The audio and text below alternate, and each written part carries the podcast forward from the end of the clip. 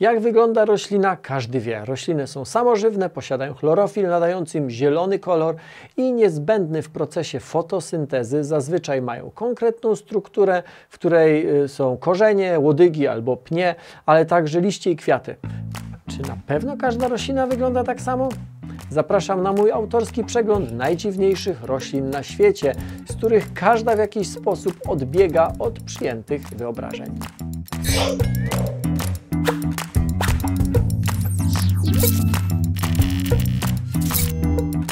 Pierwsze, czas. Rośliny kojarzą nam się z organizmami, które mają dużo wolniejszy cykl życiowy od zwierząt. Rosną na tyle wolno, że nie jesteśmy w stanie tego wzrostu zaobserwować na żywo, na naszych oczach. Wyjątek stanowi bambus, rodzaj obejmujący ponad 100 gatunków.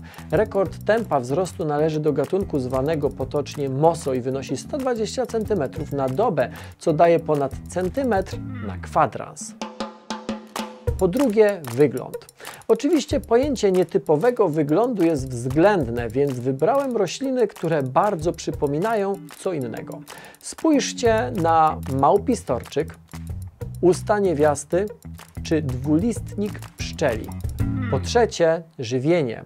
Rośliny są w swojej znacznej większości e, autofagami, są samożywne, więc po to, żeby coś zjeść, potrzebują słońca. Inaczej jest jednak z roślinami mięsożernymi, których przykładem jest dzbanecznik, żywiący się drobnymi zwierzętami zwabionymi do swojego specjalnego organu pułapkowego, wykształconego z liści. Po czwarte, cisza. Rośliny kojarzą nam się z ciszą podczas swojego cyklu życiowego, nie wydają przecież żadnych dźwięków. Tymczasem łoskotnica pękająca stanowi ciekawy wyjątek. To drzewo, którego kilkucentymetrowe owoce, kiedy są już dojrzałe, pękają z hukiem zbliżonym do wystrzału z armaty. Wyrzucone w ten sposób nasiona są przenoszone na odległość wielu metrów. Po piąte, nic nie jest tak, jak u roślin być powinno. W rozmaitych klasyfikacjach najdziwniejszych roślin na świecie najczęściej na czele pojawiają się piestrzennik, czyli Rafflesia arnolda. Piestrzennik nie posiada liści ani chlorofilu, na próżno szukać u niego koloru zielonego. Wygląda jak częściowo wkopana w ziemię mięsista kieszeń. Rafezja w swojej dziwaczności idzie jeszcze dalej.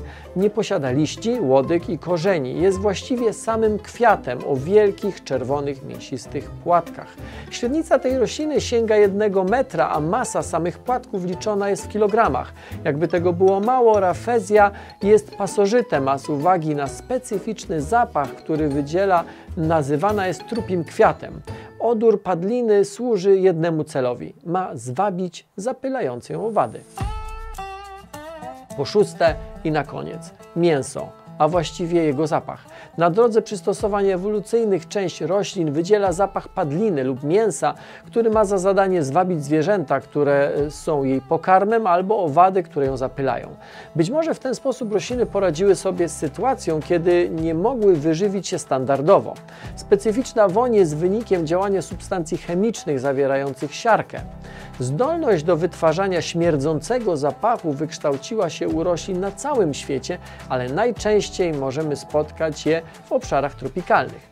Mało tego, część roślin potrafi wydzielać także ciepło, żeby jeszcze lepiej markować proces zgnicia i jeszcze skuteczniej przyciągać do siebie owady albo inne zwierzęta.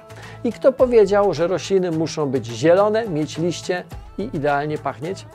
Nauka to lubię od 10 lat, nie tylko na Facebooku i YouTube.